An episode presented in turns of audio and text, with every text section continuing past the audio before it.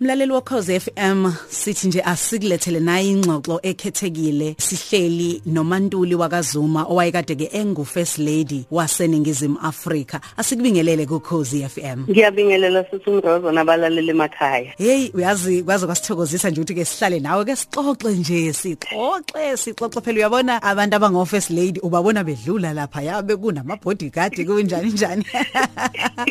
Ungazi ukuthi hey ungakwazi ukuthi ukuhlale naye nje uxo uxoxe uxoxe. Uyabona nje kuyasithokozisa kakhulu siyabonga. Ngiyabonga kakhulu nami ukuthi ningimeme kuvuka breakfast show mhm. Singathanda. Ukwazi ngempilo yakho ikakhulukazi nje ukuthi wazalelwa ku eh mina masenge ngizalelwa endaweni yakawoza la kudabuka khona ubaba wami khona kamaphumulo. Kodwa ke wangithola kumama umama esafunda isikole sahlala kubo. Ngase ngithola ke sengitholakala komalume sahlala nogogo wayengithanda kakhulu eh ngangifana negolide lakhe. Ngingasuki kuye naye engasuki kumina. Ngikhule nje ngikhulela lapho. Okuthe noma ubaba noma sebeshada wacela ugogo ukuthi ngiqhubeke ngihlale naye ngemgade ngoba bekuyimini umzukulu omdala emndenini wakhona komalume wami. Ulana kwagogo nje khona nomalume la?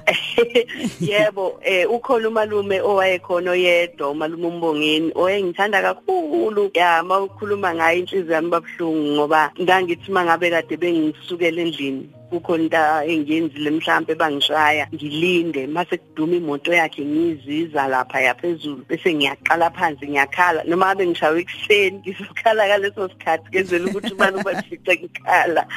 Hawu kwenzenjani kwenzenjani mshana wami? Ngisho ukuthi ayi ungishayile umalumekazi. Bese thetha ke ngijabuleke ngijabulezwa ukuthi useyathetha umalume abathethise abathethise. So bekumnandi nje ukuhlala nomalume angikhiphe kunendawo lapha ngasekhaya ukuthuise ematafuleni. Sasiye siye khona kwakunamatafula vele ngiyabona abelungu babenzela ukuthi mabedlula ngomgwaqo badla imphako yabo khona abahlali angikhiphele khona ke siyodla ke kube mnandi. Waye umalume okwakubonakala ukuthi wazi izinto useyintweni. Ngalesi yasikhathi because leso sikhathi kwakuyisikhathi esidala kakhulu. The noma eh ilanga adlula ngalemhlabeni ngiyakhumbula wavusa yena ukhulu wami wathi akahamba esitolo amthathele ilemon trees wahamba ukhulu wayovula esitolo. Ngesikhathi eyovula wathi biza umpumeli wangibiza ngakhuluma naye wangibingelela kunjani? Ngiyaphila ulale kahle ntombi hayi ngilale kahle malume.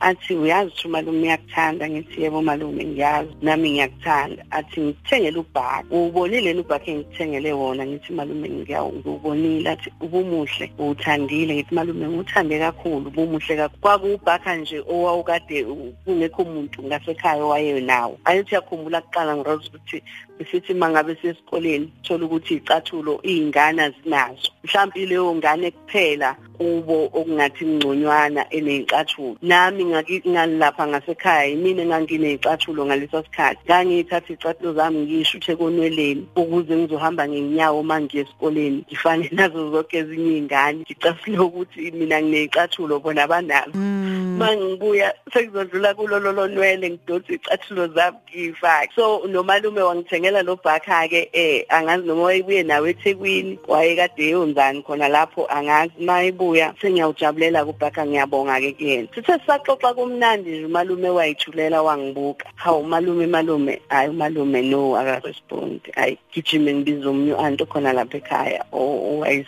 siza anti anti nangumalume engasakhulumi kade sixoxa naye. Singena u-anti uma engena umalume sehambile then wangikhiphela phandle wavala umnyango. Kwabe sekonakele vele kumalume. Sasala kodwa lesasikhala esibuhlungu nje sokuthi umalume kodwa usengahamba kanjani sikhuluma naye kanjena? Well ngakhula ke ngibondile kakhulu ke nomndeni wakomalume wami. Kakhulu kakhulu kakhulu. Iwona mndeni ongikhulisile ngaze ngamdala ngihlala nawo. Ekhaya bengiya ngokuvakasha.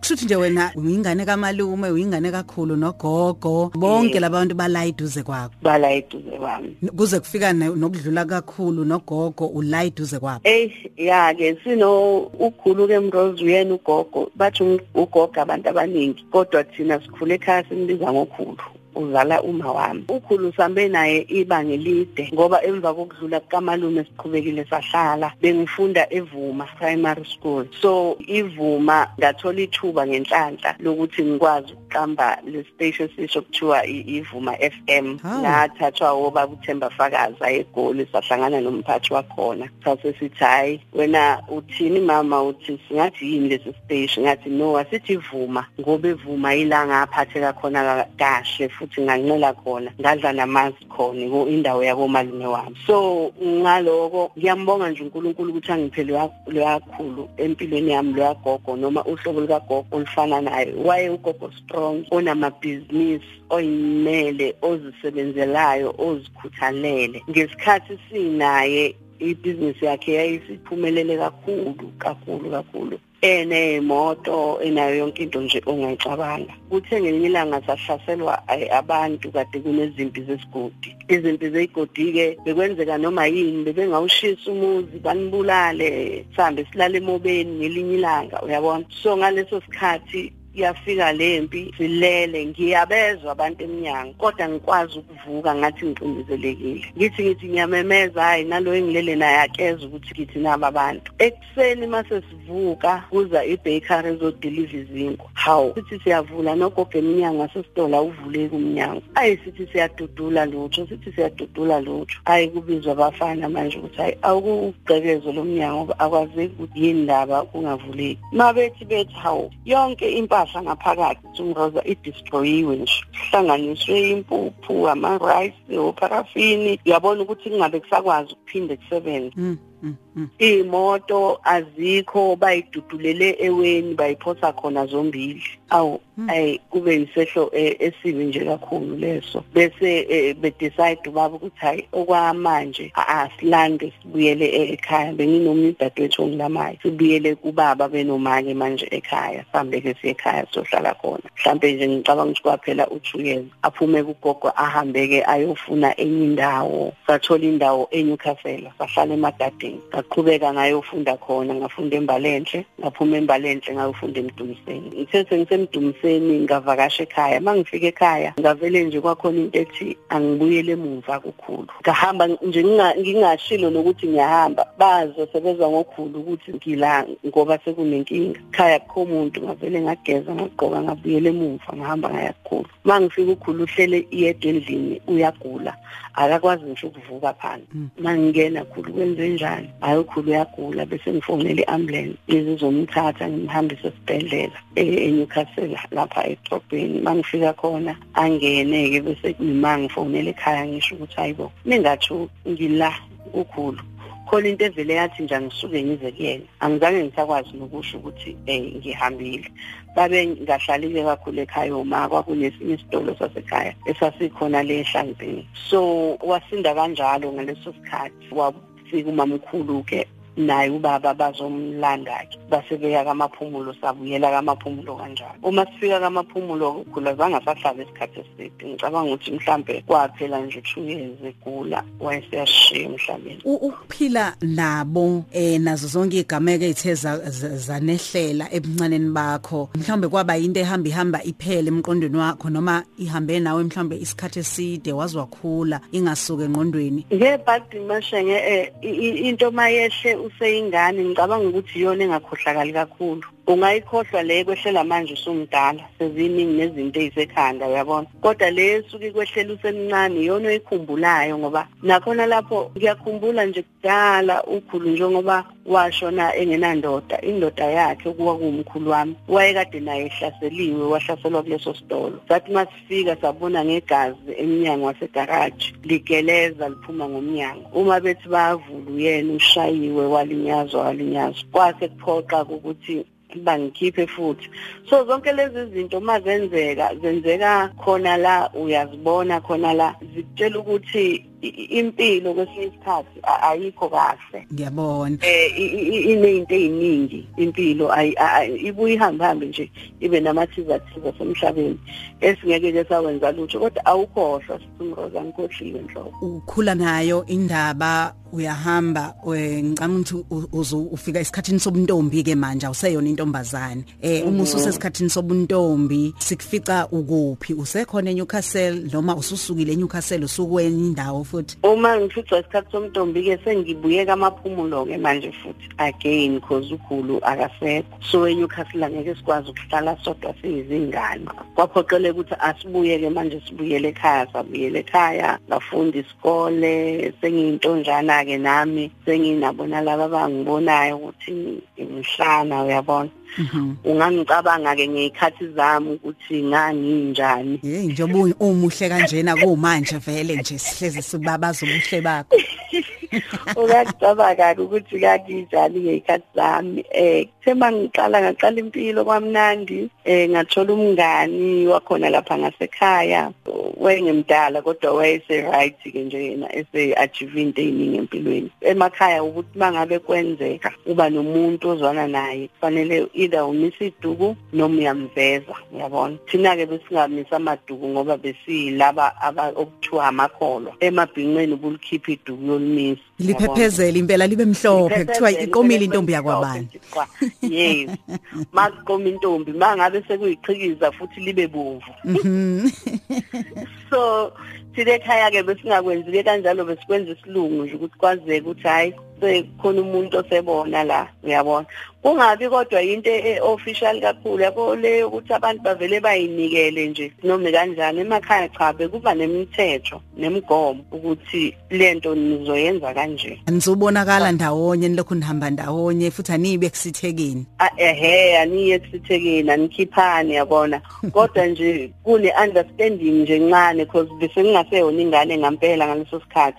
Iy'ngane zangaleso sikhathi beyishesha mhlampe ezithi no 15 seyiqomile. Yabona mina wayishayela u15 wayidlulela kwaya ngale. So kwase kuyinto abakwaziyo ukuyi-understanda omamkhulu bami ukuthi okay sekunomuntu kodwa ekhaya ngoba ubaba waye-strict ngangifihlile. Ngathi angithandi nje ubabazi lento ngoba ubaba eyi uzobulala keduku kwagcine laphi uthando lolo thando lokuqala? Eh lagcina kumliso sengisemakhaya ke ethi ayingeke indaba yokuhlala emakhaya angiyiboni kahle ngoba ngiyimisela ukuthi ube umkami ngifuna uye ngasedolobheni la uzokwazi khona ukuthi uqhubeke ne- ne- nempilo ngendlela e-right.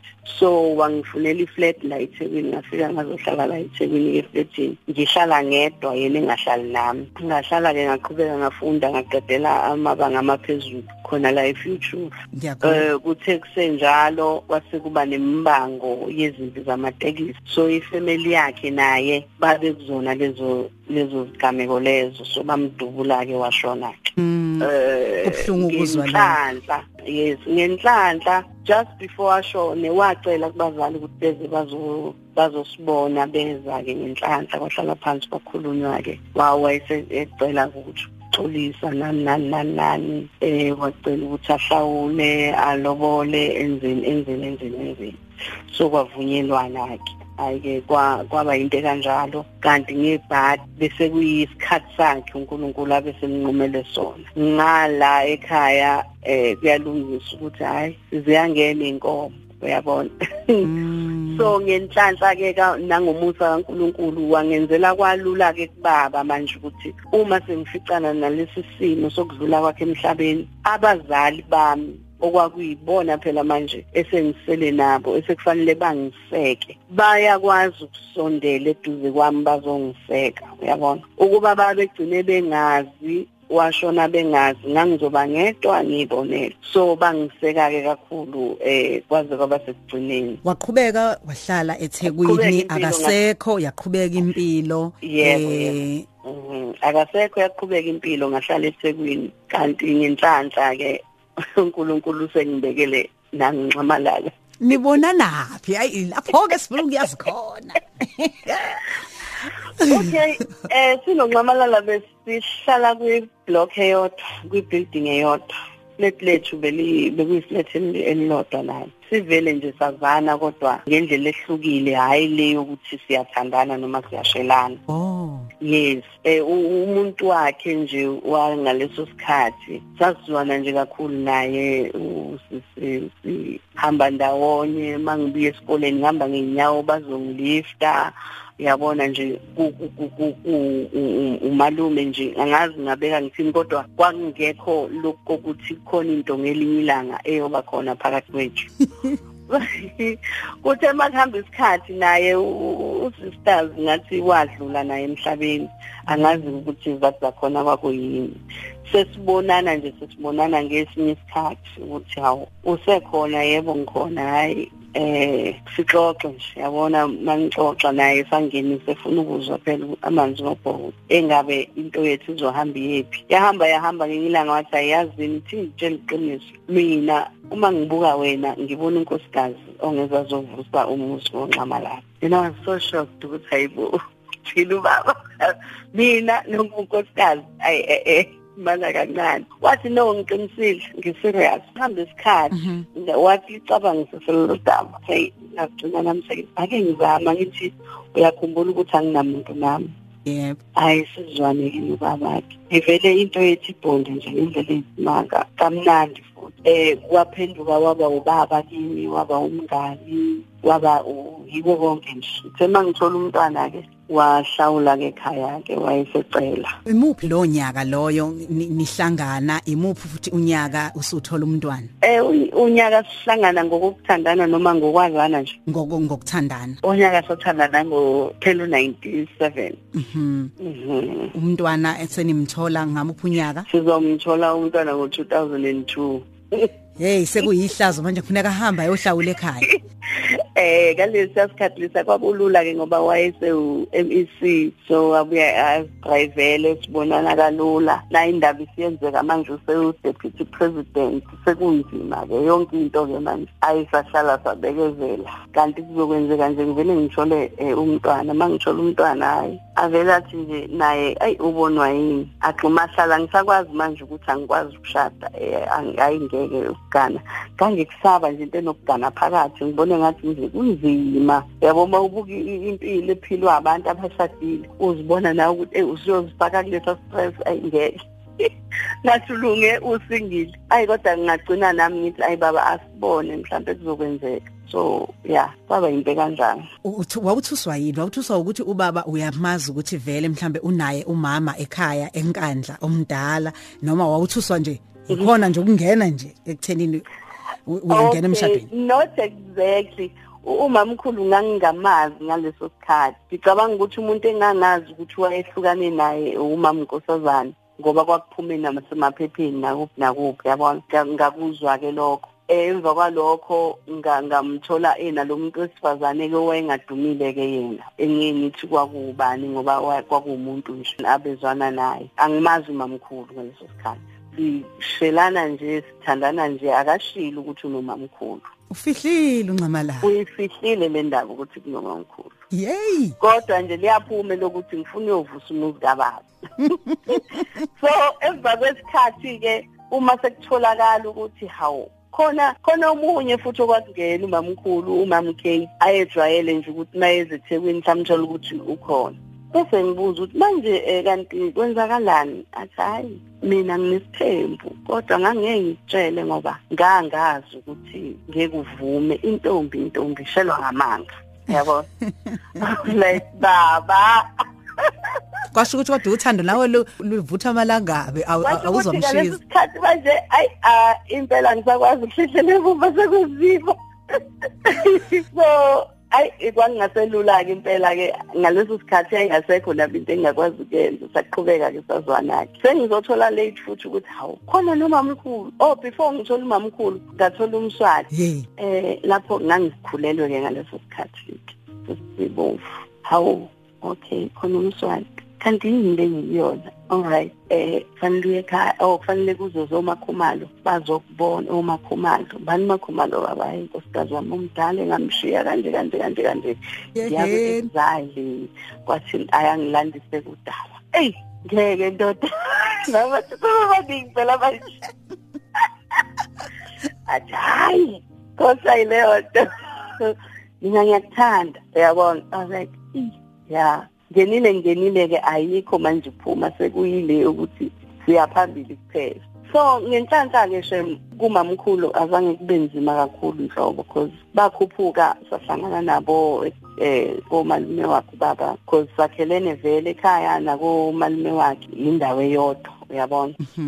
Nje sahlangana ke bangi-introduce ke kumamkhulu nomzala lethi ingane kwamnandi bangamukela. Lukhona ke lolu valo ngoba phela ngimncane angikaze ngisazi isithembu ekhaya sikho. Isithembu nje into nje ngampela engingayazi kahle kodwa nje engibonayo ukuthi kufanele ngiyifunde ngoba sengikulesi simo engibhekene naso. Sazwana ke bandla nomamkhulu wangamukela kahle umakhumalo. Eh ngaba indodakazi nje yakhe. Kwafika isikhathi la khona kufanele ngihambe ngekhaya ngafundiswa ukuthi umkhaya uphathwa kanje kanje kanje kanje kanje kanje kanje. I was like oh okay. Usungumfazi ngempela ke manje. Sekufuna nihlale manje no no no nomama umakhumalo umamkhulu nigane indoda manje ke eyodwa. Kunjani? Uyasho ukuthi ukumukele kahle kodwa manje sekufuna nihlale ndawonye nenza kanjani nipheka ndawonye? Noma umunye upheka kweyakhe indawo? Kumi kanjani? Okay umamkhulu into ayenza before ngekhaya kwakhe ufikile yena ekhaya kithi wazosho ezongicela ukuthi secela ukuthi ngizomgadela ngoba khona indlela ezongithatha kodwa wayesekuqinisekisa futhi ukuthi bangathuki ekhaya eh ayikho into embi ezongehlela uzongigada yabona? Kwase kungena kimi mangisuka la ngiya kuye ukuthi angiyi kamna kwethu kodwa ngiya kuma wami yabo so uma mkhulu mangifika kuye angisibanga nabo ubudlelwane bukamna kwabo nomna kwabo. Saba nobudlelwane bukandodakazi noma wakhe. Leyo isho ukuthi yonke into engizoyenza ngizoyenza ngokuthembeka engathi ngiyenze ekhaya. Uma ngithuma angizukuyifutha ihlathi ngoba nami mangikwenzi lokho. Ngizokwenza lento athi angiyenze ngaleso sikhathi. Mangibona nami ukuthi la mamkhulu singalungisa yini kanje? Kufanele ngiye kuye ngiyothoba ngimcele sikwenze.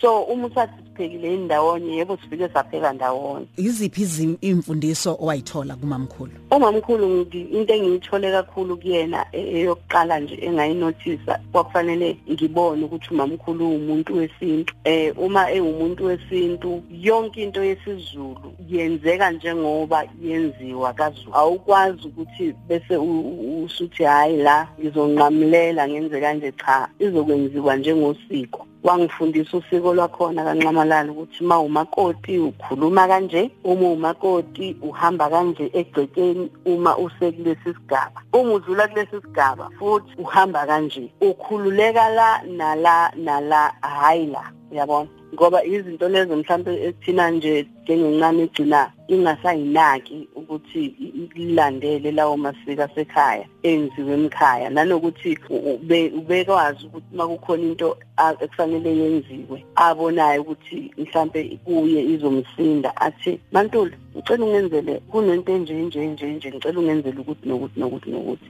Mina sengimdala yabona ngingakuthathi lokho njengokugqilazwa kodwa ngikuthathe njengokuthi nami ngiyalekelela ngoba ngithela ekhaya ngizoba indodakazi yakhona. Ngiyakuzwa. Mawusukhuluma ke Rosa ke lapha uzomthola kumamkhulu esethi hey ngihintshiwe yini ukuhintsha uhintshiwe okay. O ulibele uyabona? Oh. So kufanele uyi-understand le language ngoba nawe kufanele ukuthi ulindele ukuthi uyikhulume uma ngabe ekhuluma ethi angilaleli wena uzoyitshela ukuthi mhlawumbe uyakudelela ukuthi umuntu ongezwe ongafuni ukulalela izinto cha. Akasho kanjalo yingoba awuzwile uyabona? Noma yena akazwanga ukuthi uthini? Ufuna umphindele le nkulumo kade uyikhuluma ngoba akayilalelanga. So kunalawo maganyana nje amnandi okuhlonipha abasekhaya abadala nesabalala ebesingawabizi noma esingavumelekile ukuthi siwabize enjengoba enjalo. So kufanele siwahloniphise hayi wafunda lukhulu. Njengoba uganile ke la kodwa manje ngaphandle u first lady nobabili no first lady kodwa ke wena ushuthi ke u first lady omncane umama wesizwe obonakalayo uhamba nobaba emcimbini ethile mhlambe izintweni ezithinta umphakathi. Nakwimedia ukhona yize ukhona la ngaphakathi ekhaya kodwa nangaphandle ukhona. Mhlambe kuqale kanjani ukuthi ukwazi ukuyijwayela manje lempilo entsha efikayo kuwena? Amehlo onke athe njoku hey kuthatha isikhashana. Kuthatha isikhashana ngoba kulesi isikhathi ubucabanga ukuthi ayi mhlawumbe ngingakwazi ukuyibalekela le angifuni ukuvelela lapha yabona kodwa uthola ukuthi ngesimo eh yona le media okhuluma ngayo ihlala khona la ekhaya iyafika ngaso sonke isikhathi iyakubona. Angeke ke imidi ithi ibona into ifisa ukuyazi bese ingayivundululi noma iyoyifuna ibheke. So ngesikhathi qala ukuthi kwazeke eh ukuhlala obala ukuthi nobudlelwano kanje kanje kanje kanje. Yebo kwakunakho ukusinda kancane ngoba ngelinye ilanga awuyitholi imedia ikhuluma ngawe ngento wena oyiyona. Uyithola ngelinye ilanga isifakelile noma yakhuluma ngendlela efunzwa ngayo. I-challenge yayikhona kulezo zinto kodwa ke hayi ingxenye yempilo. Ukujwayela ke manje ukuyiphatha kuka first lady ukujwayele kanjani ukwazi ukuthi ngoba ngicanti kunendlela yokuyiphatha ehlukile kunomuntu nje? Ngoba akukho lutho litheni lokuyiphatha ngokuba first lady. Ngingathi into engifundisile ile yokuthi angithandanga ukuphakama ngoba sengu first lady. Isizathu esokuthi abantu laba abangikhulisile nengikhule kubona ngakhula nabo. Ngiyaqonda ukuthi le position yokuba u-first lady iza for 10 years kuphela. After 10 years isiphelile uma isiphelile nje ubuyela back to square one ngiyobumpumenji uyabona? Noma ngabe ngake ngagana umongameli noma noma ngabe ngake ngaba u-first lady ngelinye ilanga kodwa leli lokuthi uzobuya ubuyele kwi-ground uyophila nabantu likhona. So labantu ngafuna ukuthi ngimuve nabo usuka phansi sinyuke sonke. Ngingabi negap engivulayo phakathi kwabantu abanomali nezinga lokuba u-first lady ngoba ukuba u-first lady it was just an a title oyithola ngoba umyeni wakhe umongameli. Two ngangingakukhohliwe ukuthi umuntu owumongameli ubaba hayi mina mina ngingumsizi nomlekeleli. Yena kuphela okunye esingakubheka ukuthi uma usu first lady mhlawumbe sesikubona usuna nezinhlelo ezithilo zenzayo emphakathini usukuma summit athile kwashintsha kanjani impilo yakho usuyithola manje sekufanele? Mhlambe ube phakathi kwabanye ofirst lady ofirst lady bamanye amazwe. Angifuni ukuqamba amanga. Itrip yami yokuqala ngiqala ukuhamba ngiyakhumbula ngangiye Italy kwakunzima ke phela ngoba futhi sasihlukanisiwe ubabe kwenye indawo nami kwenye indawo eh kodwa kwicountry eyodwa. Kwaba difficult ukuthi kambe mase sikulesimo sikanje okay ioffice spousal office ke sikhona for lezo zinto ukukutshela ukuthi la kwenzeka ukuthi gqoka kanje xoxa kanje udla kanje wenzani kanje. Before uhamba uya kulelozwe unento abayikhiphayo e-program or i-agenda yezinto lapha eziyokwenziwa so wena mawusuka la usuku usuwazi ukuthi lapha ngizobe ngomhla ka okay ngelanga lokuqala ngenza ini lesibili ngenza ini lesithathu ngenza ini.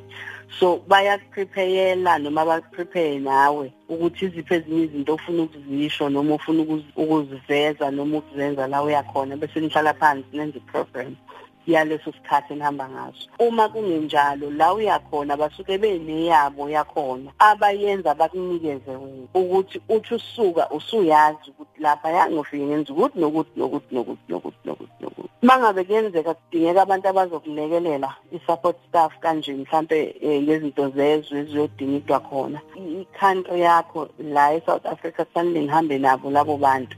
Uyosetshenzwa lowo msebenzi oyosetshenzwa ngaleso sikhathi. Kodwa ngiyakuthanda ukucizelela ukuthi thina uma senza lokho sikwenza in support of abobaba ababayini bethu hayi ukuthi sikwenza ngoba nathi sesingibona omongameli no.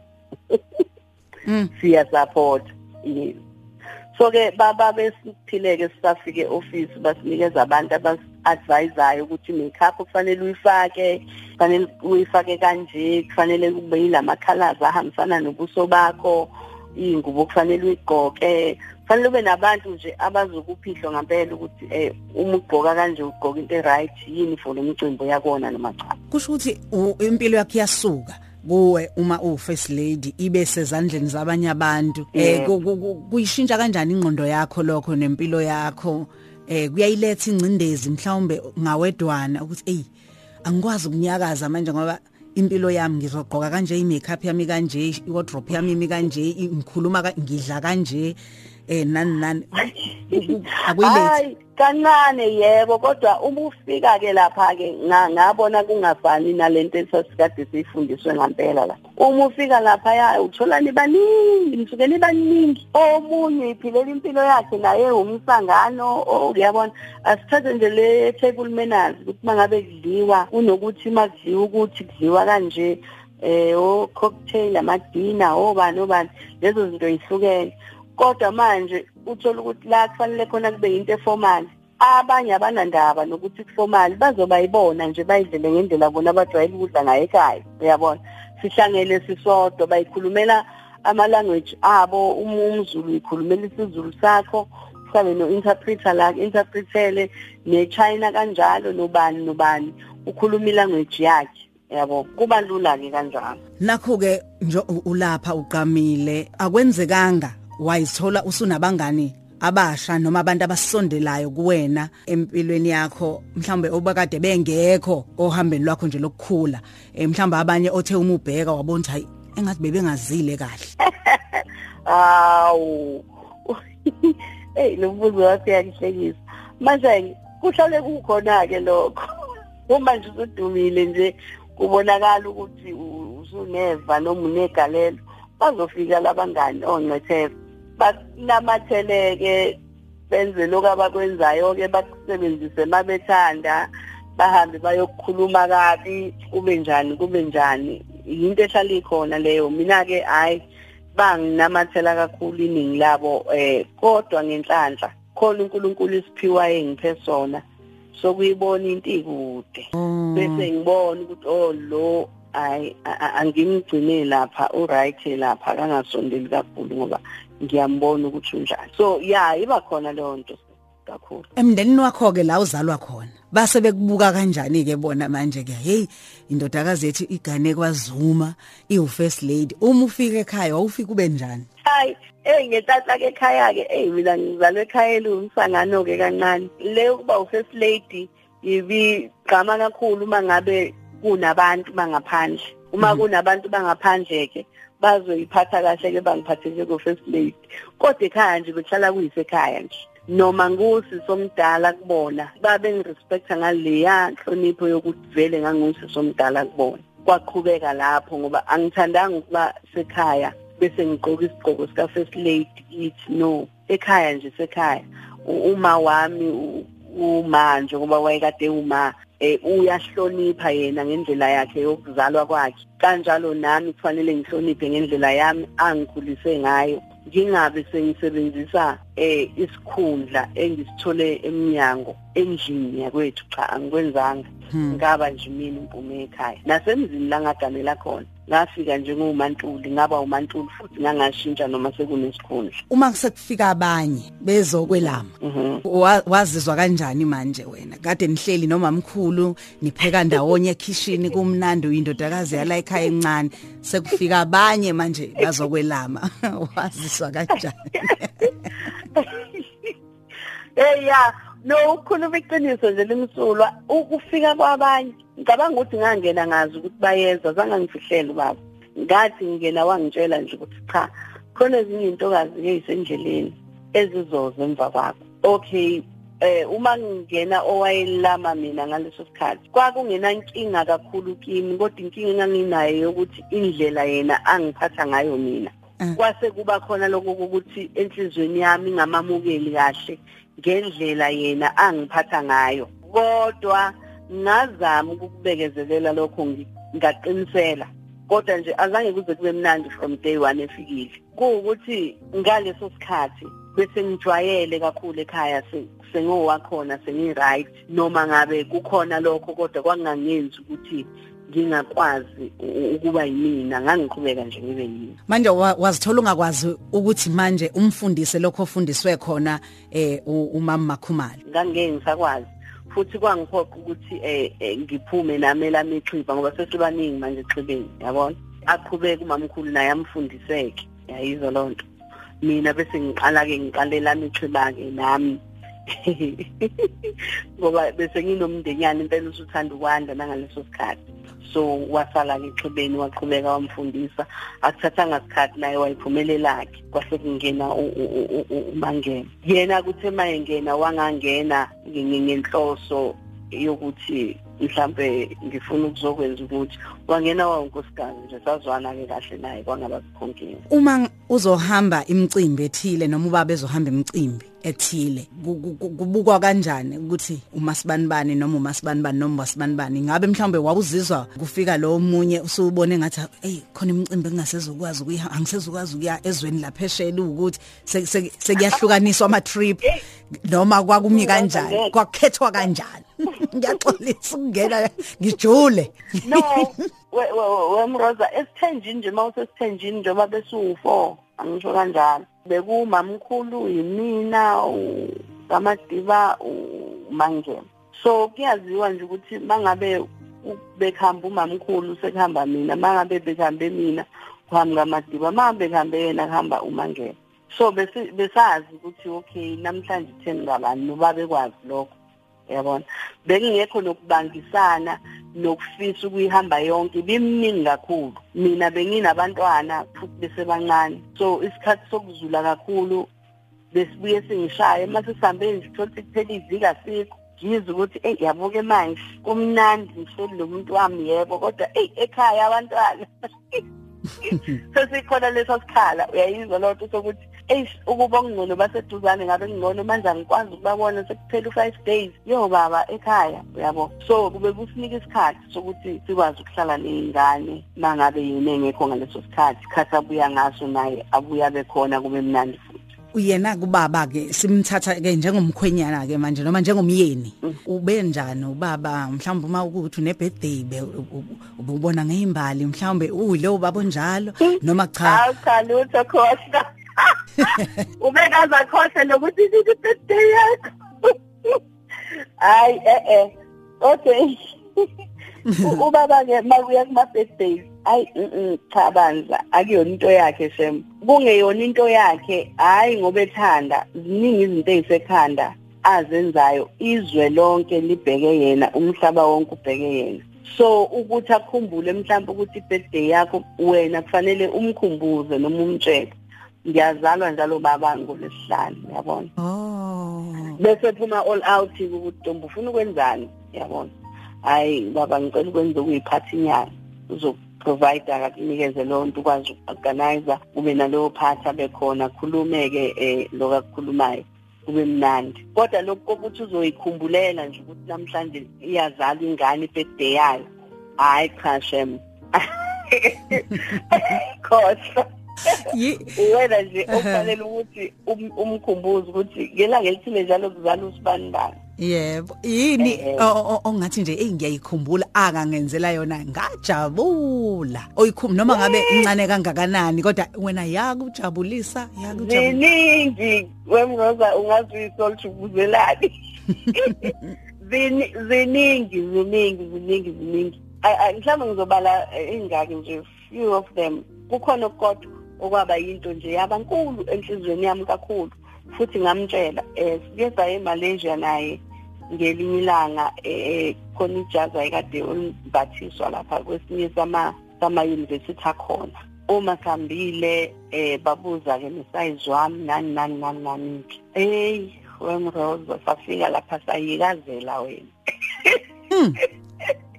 kakikhulelelo ke kodwa inhliziyo ingekho kahle kodwa nje kwangijabulisa ukuthi empilweni yami ngime phambi kwezihlwele phesheya. Ngathi ngigraduate ngingazange ngibe nethuba lokufika lapho yabona so kwaba nje into engingeke ngize ngiyikhohlwe futhi engijabulisayo ukugqoka lelo jazi ngifake leso sigqoko.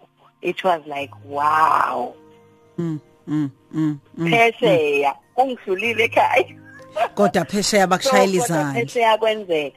So ngabuka uNkulunkulu kuyo yonke into. Eh kwakhona nokuthi angithathe nje angibone ngifanele ukuthi ngibe omunye wamakhosikazi akhe.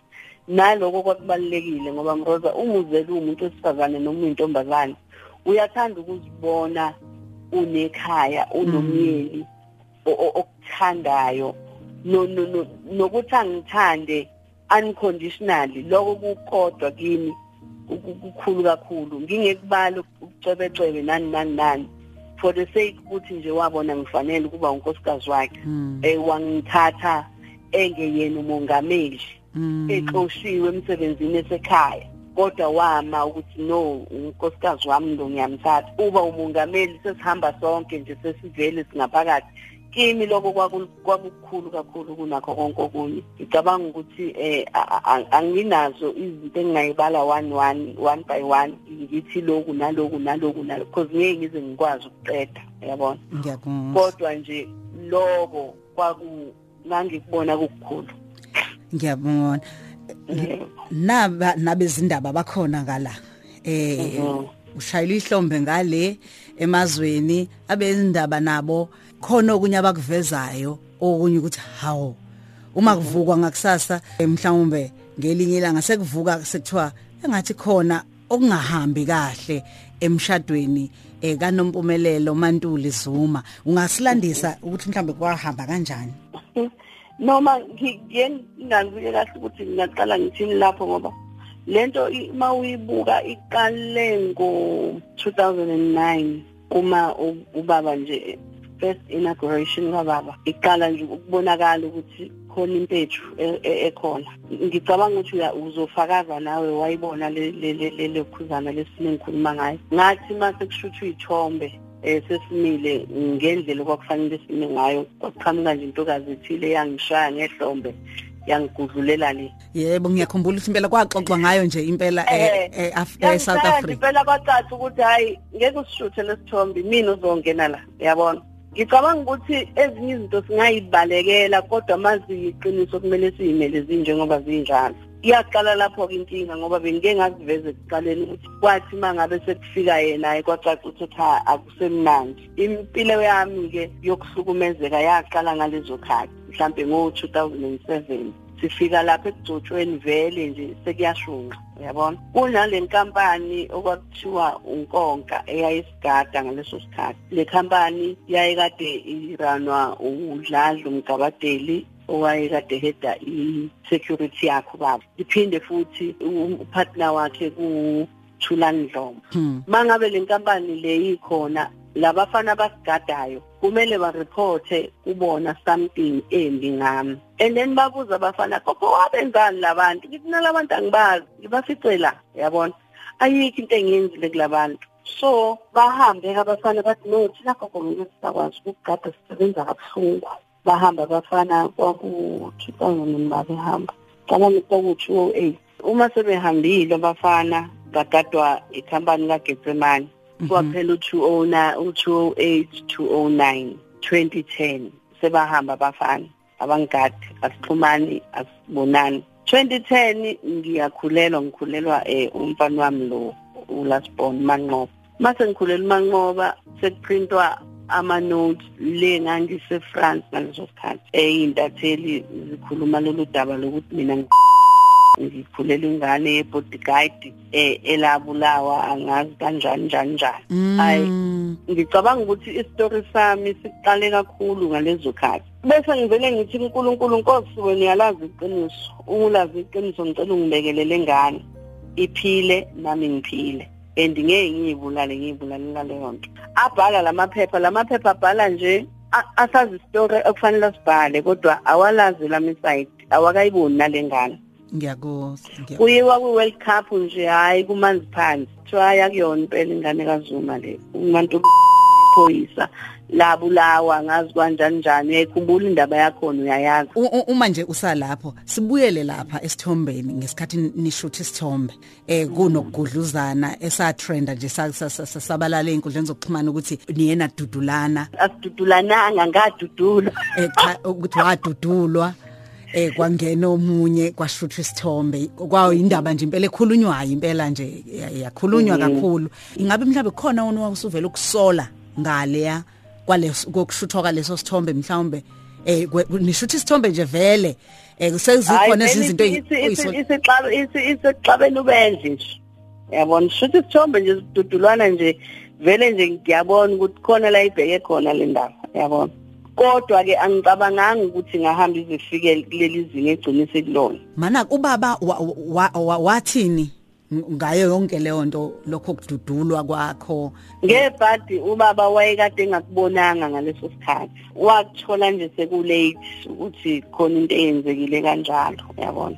Washo ukuthi-ke phela uma uyindoda yesithembu uyazama ukubeka izinto ngendlela ezwakalayo kwayinto ebuye edlula futhi uyabona? Ukuhamba-ke kuleso sithombe uthi kuhamba kuze kuzo ngibona ukuxhumanisa nengane. Ngiyakuxhumanisa nengane ngoba phela labantu bonke babesigada besuka le kude. Ulothulani dlomo uma ngikhuluma ngaye nje kuyimanje ngicabanga ukuthi uzokhumbula ukuthi uyathinteka nakulokhu kokugcina mm. kusho ukuthi labantu kusuka nabo emuva bangigada nje baze kumina vele ngiyi-project nje kusuka ngaleso sikhathi. Ngifika la enganeni noma uthulani kuleli lengane engazange angene physically ngokuthi khona into ayikhuluma ngayizwa mina emadlebeni kodwa kwakuyena umphathi walabafana bafu balabafana omunye wabo wadinivile and lo mgabadelo wayekade eyipartner yakhe wangifonela omunye walabo bafana wayengikade ukuthi uke wafone ebuza ukuthi kambe wafa kanjani phinde so lento ke iyahlangana ke uma ngabe kuzobuza umgabadeli esebenza nothulani ukufa komuntu mina ngikhulelwe. Ngomusa nangenhlanhla kaNkuluNkulu ke ngoba vele mawazi ukuthi unembezo necala kuthiwa ukuthola ukuphumula kodwa mawazi ukuthi wena unandaba awunankinga. Eh wonke umuntu ngayizala njengani yaphila namhlanje izothi 11 years. Angizange kazi uma ngitshela ukuthi lengane akuyona yala ekhaya ehamba uyise kubo kwayo. Eh uyayazi nawe ngiyacabanga ukuthi ukuyibone. Ile yanto eyiyona nje ngoba uNkulunkulu uyakwazi ukuphendulela umuntu uma yena engenazi impendulo mase kutholakala ukuthi cha ingane yakamsholozi hayi saqhubeka ke sahlala ke kwakuhleke. Sekuzovela leli bhomu lokugcina ke singakafika ebhomeni lokugcina. Ukholelwa ukuthi mhlawumbe labo okwakufanele bakugade babethunyiwe mhlambe abathize ukuthi babethunyiwe eh Mroza ngoba babe ngibuza ukuthi ngibenzeni labantu. Besho ukuthi ayabakufuni labantu enthina ngeke sakwazi gobha ukusebenza nawe ngoba labantu abakufuni. Bafuna sireport into engekho asazi so reportani mas reporta kuthiwa cha reportani ayona report le. So siyakuvalelisa sicela ukuhamba singabe sisagada bahamba kanjalo. Uma ucabanga kwakuyini inkinga yabo laba othi bakhona babengakufuni ngawe? Sebengayiphendulela ke mroza abaphela bakhona nabo. Bayaphila. Ukuthi eyinkinga yabo ngami yithi ngoba nama ngiyazi ngiyafuna ngempela ukuyazi ngiyafisa ukuyazi. Yabo? Inkinga le ngifisayo ngempela ukuthi ngiyazi ukuthi yini le ngaka ababengangifuneli yona noma engangiyenzile kubona bese kuba mhlambe okunye esakubona kakhulu kwakhulunywa kakhulu ngakho. Uthinteka kanjani odabeni lokugula eh kukababa uncamalala aha. Okay. Abantu ke umuntu owangi-accuse ke ngayo leyo nto yokugula kancamalala lo thulani lo yengikhulume ngaye ekuqaleni ngamveza. Uyena thulani futhi obese la ka-state security uyena owayezongiphenya. Ngokugula kababa. Ngisuka naye lapha kankonka ngasebenza nobaba Mishek Hadebe waya ka social development ngaphuma lapho ngaya kuba u first lady nangu naye ula usephethe manje ka state security you understand? Same thulani Dlomo uyena ozong investigator ngokugula kababa. Mm. yingakho ke ungibone ngathi ngifuna ukuyilanda emuva kunokuyiqala la ngoba asazani ukusuka la kwi-state security. Lama accusations afika naye benominister wakhe uMahlobo mm. mm. thina esakubona njengesizwe kwaba ukuthi ubaba uncamalala ingathi ufakelwe ushave. Eh mhlawumbe mm-hmm. kwaba ukuthi ukwenze kanjani? Cha angikaze ngikwenze lokho. Anginazo futhi nezathu ezazingenza lokho ukuthi mina ngimfakele ushave. Angikaze ngikwenze lokho. Ubaba yena wayibuka kanjani yonke lento le? Uma niyixoxa. Uma sixoxa ngicabanga ukuthi wayebona ukuthi kwenzakalani kodwa mhlawumbe engathandi ukuthi asithuse yebo lento engishoyo ngoba azange ayikho into ayiyeke ukuyenza yonke into ayekade yenza waqhubeka wayenza. Ngabiza ifamily yami ngakhuluma naye ukuthi okay eh sekunento kanje kanje kanje yeza yaya kuyena. Wafika kuyona wathi ayikho into azoyisho ngoba lento uyitsheliwe akayibonanga akayazi. So akazi ukwazi ukukhuluma ngayo emndenini wami kungenzeka ukuthi bekuwumona mhlawumbe wehle wehlo elithile elingazange lithande kuhle okwenzekayo. Therefore ucela ukuthi angasho lutho kumndeni wabuyela umndeni ekhaya ke kwaphela kanjalo. Kwase-ke kuthiwa akwenziwe i-investigation-ke phela ngoba angilwazi udaba ngicela kube khona uphenyo. Lwaqala kuphenyo-ke ngaleso sikhathi-ke kwangena ama-hawks azongibhalisa i-statement ngasibhala ngasibuyisela emuva. Naso-ke engingakhumbuli-ke kusona kukhulunywa ngendaba kapoison. Poison ngawezwa ngezwa ngawe emaphepheni nasey'ndabeni ngawugcina khona. I-statement ebengi i-statement ebengisibhalile nje ayi sibuzele eminye imibuzo nje engahlangene nale mina engiaccuselwe yona. Angazi noma ilona bhomu obukade ukhuluma ngalo leli noma kukhona elinye ibhomu elikhona obusafisa ukulisho na? Uma ukuthi ke alikho usuzibona zonke ke lezi zinto? Kwakuphatha kanjani? Wemroza la singaqala khona singaqala ngokuthi uma ufika isikhathi sokuthi ngiphume ekhaya njengoba ububuzile ukuthi mhlawumbe ubaba wathini yena ngakho ubaba zangangixoshe kade akudunuza akashongo ukuthi um nkosikazi thatha imithwalo yakho uhambe ngoba mina kade ngigula. Cha. Kwafika indoda nje yakomunye umuzi zamahlobo yangitshela ukuthi kuzofanele ngiphume ekhaya ukuze kungaphazamiseki uphenyo. Ngaphuma ekhaya kanjalo. Uma ngiphuma ekhaya ngaphuma ngithathwa yibona. Beyongibeka eh ngaqala ngahlala ezimbali ngasuka ezimbali ngahlala emhlanga ngasuka emhlanga ngaya eGreytown Greytown ngangihlala ekamereni eline toilet yabo ama guest house uthathiwa kanjalo. Zibuyele ingane izolala nami zonke la endlini. Owenza kwenzayo la kunuka khona la yonke into khona la yabona? So ngahlala ke lapha eGreytown kwafika isikhathi sokuthi bangimuve kuleyo guest house bangimuvele kwenye. Uma bengimuvela kwenye kanti udlule ebhama uye ekamereni labo so i refused ukuya lapho. Ngagcina sengisemaritzburg Hilton fike emaritzburg Hilton ngabona ukuthi hayi no ayingangani ngahamba ngayiyela egoli. Mangibuya ngabuya sesishintshiwe sesizohlala kwenye futhi guest house elapha ngase ku-freeway n3 lapha emaritzburg angisazi bani bani in sahlala khona. Lapho kwakungena security nhlobo.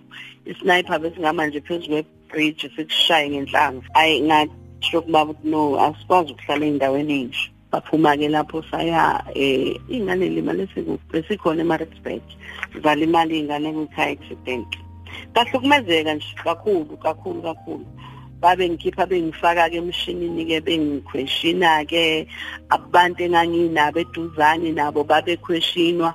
Kangangokuthi umakoti wakwami wazi wachithekelwa yisisu owayegane undodana wakhona lapha ekhaya. Naye bemkhweshina bemfaka emavenini ama-security bewakhweshina.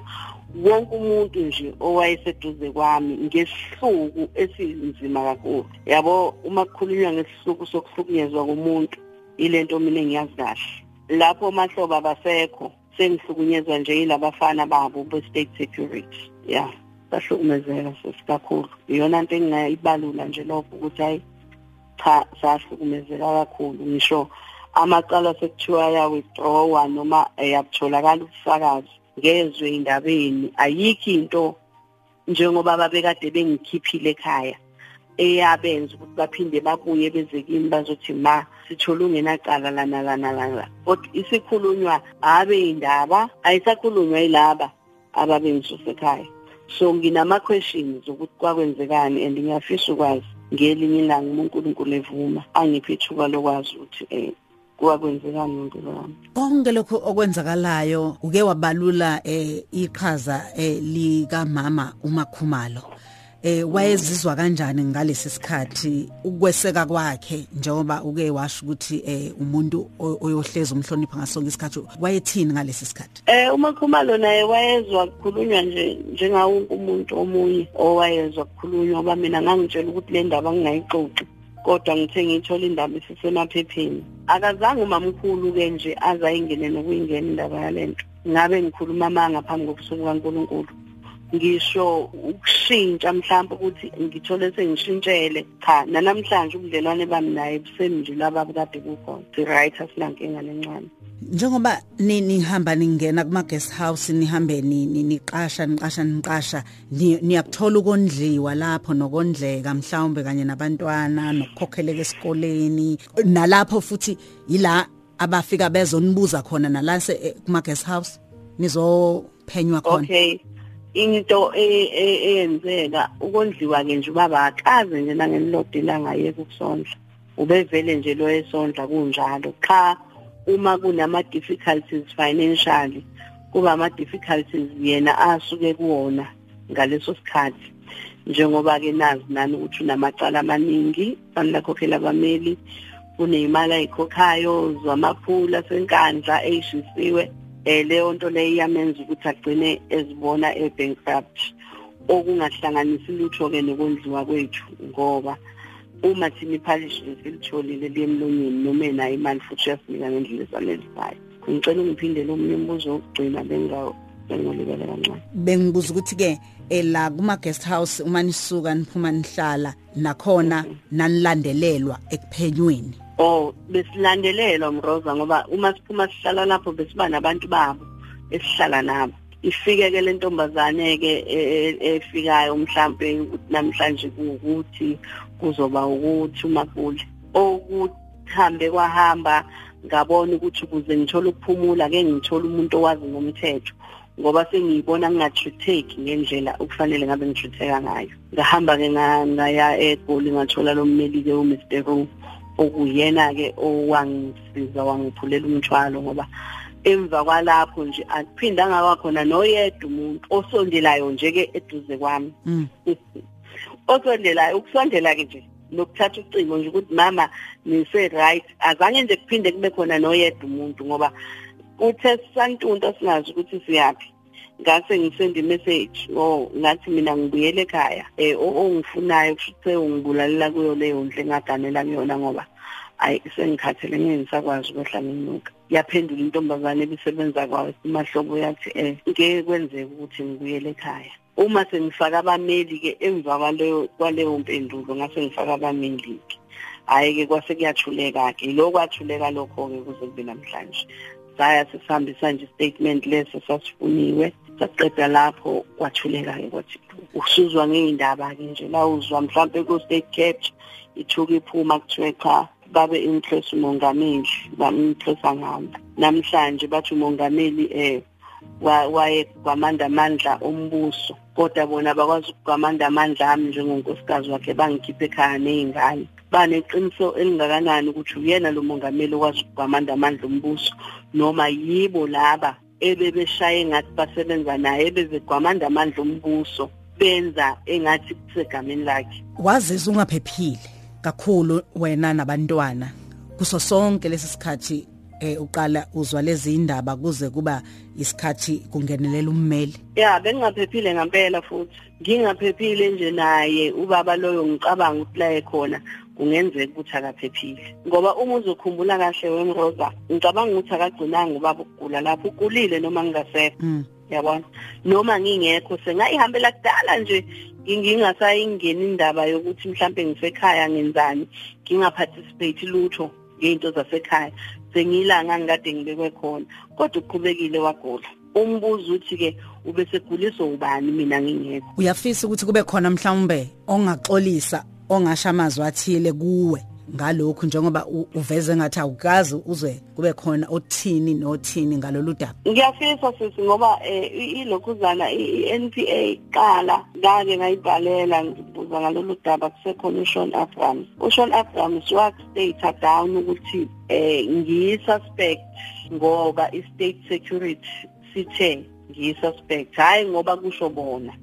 So i-state security siyangi-owisha incazelo yokuthi kwenzakaleni bekwenzakalani yini bebeyenza ngempilo yami. Lokho impela ngiyafisa ukuthi ngelinye ilanga ngikubone kwenzeka kuyongijabulisa. Uma usuzwa ukuthi hayi noma nawe uthuka ubona eh kubhaliwe la kubhalwe khona ukuthi hayi engathi eh unompumelelo Mantuli Zuma akathinteki kulolu daba. Yini engakwenzi ubuyele emzini wakho eh kwa Dakudunosi hayi mroza angifuni kakhulu ukugxila kulezo zokuthi ngibuyele kaDakudunosi ngoba ngilinde lo minister wangikhipha kaDakudunosi angitshela ukuthi manje sesithe buyele emzini wakhe. Angithi babethe bayaphenya. So uma bethe bayaphenya kufanele phela njengokuthi wafika yena umahlobo kimi ngqo uDavid Mahlobo. Uyena owayizela ezongitshela ukuthi kufanele ngihambe. Akeze futhi namanje angitshela ukuthi cha ke ma thola ukuthi akukho lokho esasikusho ungabuyela kwakho. Ingane zona zinjani? Azifisi ukubuyela ekhaya? Ngicabanga ukuthi yonke ingane nje mroza kubo kohlale kuyikubo noma ngathiwa kunjani. Ayikho ingane engafisi ukuba kubo futhi ezami ingane ke bezikhule vele zisondelene kakhulu noba kwazo azinaye nje omunye umuntu empilweni yazo ezingathiwa mhlambe uke wabakhona wadlala indima yokuba ubaba kanjani kanjani zikhule nje isondelene nobakwazi nje kakhulu. Ngisho bebonana ngisho bekhuluma you could feel ukuthi labantu there is nothing else they know except that isekhaya la ubaba lo. Kuyenzeka mhlambe zivakashe ekhaya noma cha hayi ekhaya ziyavakasha. Nami kuyenzeka ngiye ekhaya kodwa ke ngiya ngiyele leyo nto ekhona bese ngiyaphuma futhi ngiyihambela abantwana bayalala mhlambe ekhaya noma nabo bafika bahambe kanye nabo? Hayi cha abalali. Abalali. Aziphazamisekanga mhlambe ngokomqondo ingane ngokuyibuka kwakho nje njengomzali? Akukho la ubone ngathi mhlawumbe nasesikoleni zakhe zathi ukuphazamiseka nasempilweni nje nokukhula kwazi ngicabanga ukuthi mawuthi eh zona akekho umuntu obethinteka la ungaphazamisekanga yabona uma kuphazamiseka mina automatically ney'ngane ziyaphazamiseka. Uma kuphazamiseka zona nami ngiyaphazamiseka. Uma ngivuka ekuseni kweyodwa ephazamisekile ngalelo langa ithinta ezinye zakubi izothinta mina. Imapha amazwi noma yipi into esenhlozweni yakho ongafisa ukuyisho kubaba uncamalala nasemndenini? Ongafisa nje ukuyisho esuka enhlizweni yakho? Into engingafisa ukuyisho esuka enhlizweni yami mhlawumbe ngiqale ngomakhumalo yabona? Yeah. Ngoba uyena umuntu njengamanje mina engingaphansi kwakhe. Eh ngifisa ukuthi kumakhumalo ngiyabonga. Ukho konke okuhle akwenzile nokuba nathi kule kulelo hambo luhlunga ngale bese lihamba engazange ashintshe. Eh ngiyambonga kukho konke uNkulunkulu angibusisele yena. Aphinda muphe impilo ende ehambisana nokufisa inhliziyo yakhe. Lokho akufisayo kulesi sikhathi akusona seminyaka uNkulunkulu amthamenzele khona kunje ngoba kunjalo. Nokuthi ngimnika isiqinisekiso sokuthi lezi zami ingane ziyoba ezakhe kuze kube sekugcineni. Oh kubaba inqamalala eh kubaba ngifisa ukubonga kuye opportunity ngikuthatha njengethuba eliyingqayizivele elingandele bani lokuthi angibone nginkosikazi kuye. Angibuke futhi angithembe nangehlo lokuthi ngingakwazi ukukhulisa izingane zakhe kahle. Ngiyabonga kakhulu and ngiyamkhulekela uNkulunkulu. Ngelinye ilanga akuveze ukuba msulwa kwakhe emhlabeni nasemehlweni abantu. Abenziwe ukuthi bambuke engeyena ubaba okahle. Ngoba njengamanje isimo abhekene naso yesikhandiwe abantu ngenzondo yabo ukuze yena bahudulela igama lakhe phansi. Engifuna ukusho ukuthi ngelinye ilanga noma kungavelanga namhlanje kodwa uNkulunkulu owazi konke nezinyanya zakonqamalala ziyoyiveza yonke impilo kaZuma ukuthi njengoba ebebekwe kulesa sikhundla ayehleli kuso wahlala ngokuqili noma wahlala ngokuthembeka. Ngifuna ukusho kwi-South Africa yonke iphelele ukuthi mina njengomantuli ngiyomsupport ubaba kuze kube sekupheleni kweinsuku zami. Mina njengomantuli ngiyakholelwa ebuholini bukaZuma nangendlela aphathe ngayo izwe lase South Africa. Mina njengomantuli ngiyazi ukuthi akekho umuntu ongaboshwa boshelwe izwe aseve impilo zabantu impilo yakhe yonke kusukela no 17 years bese kugcineni lowo muntu abizwe ngomdayisi. Uma kwakwazeka ukuthi kwenzeke kimi ukuthi namhlanje ngithole ngaphandle komuzi wami kusho ukuthi bakhona abantu noma sikhona isandla esinoboya esingaphakathi esiphusha iagenda yakhe uzuma ukuthi angabi yilutho emphakathini. Abangakwazi mhlawumbe abantu base South Africa ngobaba ongafisa mhlawumbe nje ukusho ngolayini nje wodwa eh angazi noma ngizothi abangakwazi yini kodwa engifuna ukusho ngolayini wodwa ukuthi ubaba uyobafela abantu base South Africa bengazi bona ukuthi ufela bona. Mhlambe into leyo abantu base South Africa abangayazi nabathi mabembuka abayingabazi bakhona engike ngibezwe mhlambe la ku social media mase bephendula noma bekhuluma izinto bayikhulume ngendlela bona abakhokhelwe ngayo ukuthi bayikhulume.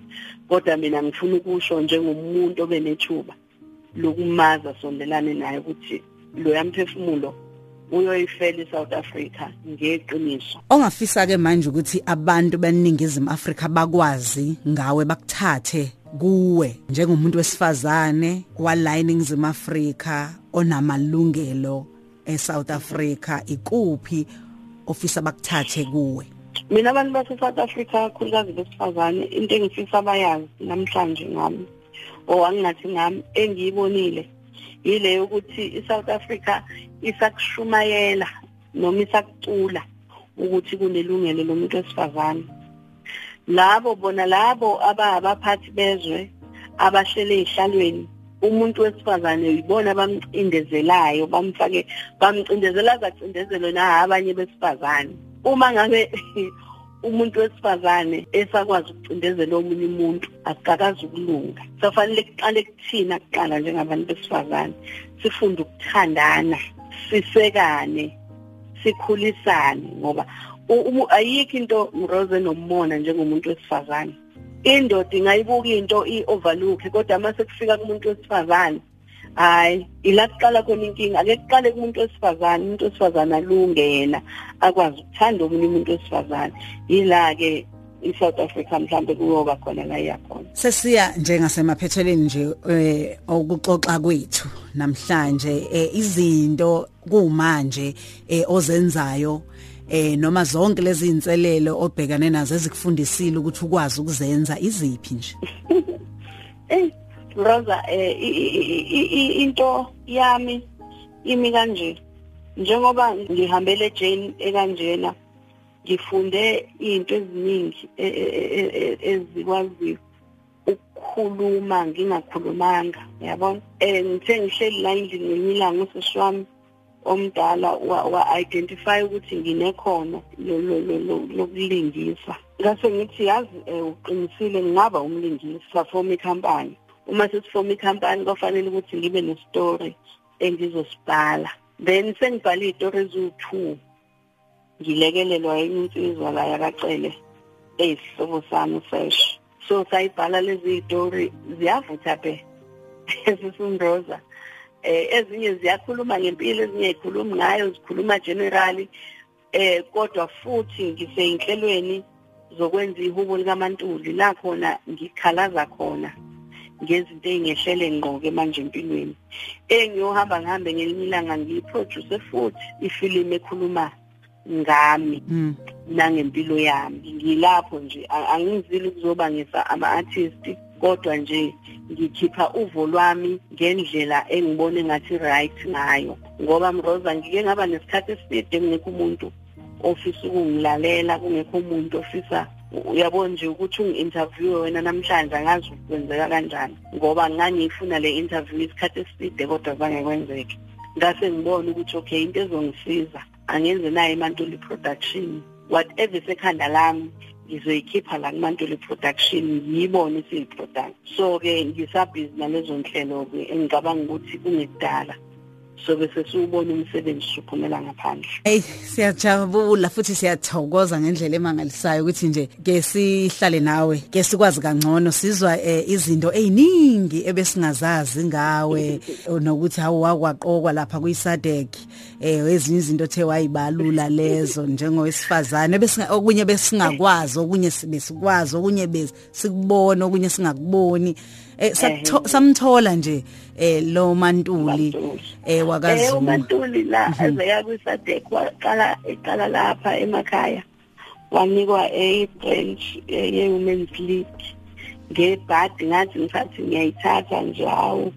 Nalo baba wayesengisheshisa sengifanele ngihambe ngiye emakhaya manje ngogada umuzi wakhe. Ngaphuma lapho ngizothola le sadek ke umama uJonathan lapha eh, ube upresident we we peace mission bangiqoka ke as u deputy president we SADC sike saba nayo ne summit la nabo befikile ngo2014 mangaphosisi eh eyaba impumelelo kakhulu ebesibona ukuthi kukude la besisaya khona. Ngebhadi ke kanti sengizovele nje ngishawe ngisavele ngekhanda. Kodwa ke siyathemba ukuthi amaphupho onke ayesale elenga ngemilanga yofezeka asivale ngokuthi umphako ongawunikeza iningizimu Afrika neAfrika yonke owesifazana olalele ngabe wesilisa njengamanje okungathi noma kuthiwa uyadlula namhlanje emhlabeni kodwa into nje oyothi uma ufika phambi eh, kukaNkuluNkulu wakho uthi ngaba shiyana lokhu eh le izwi engalishiya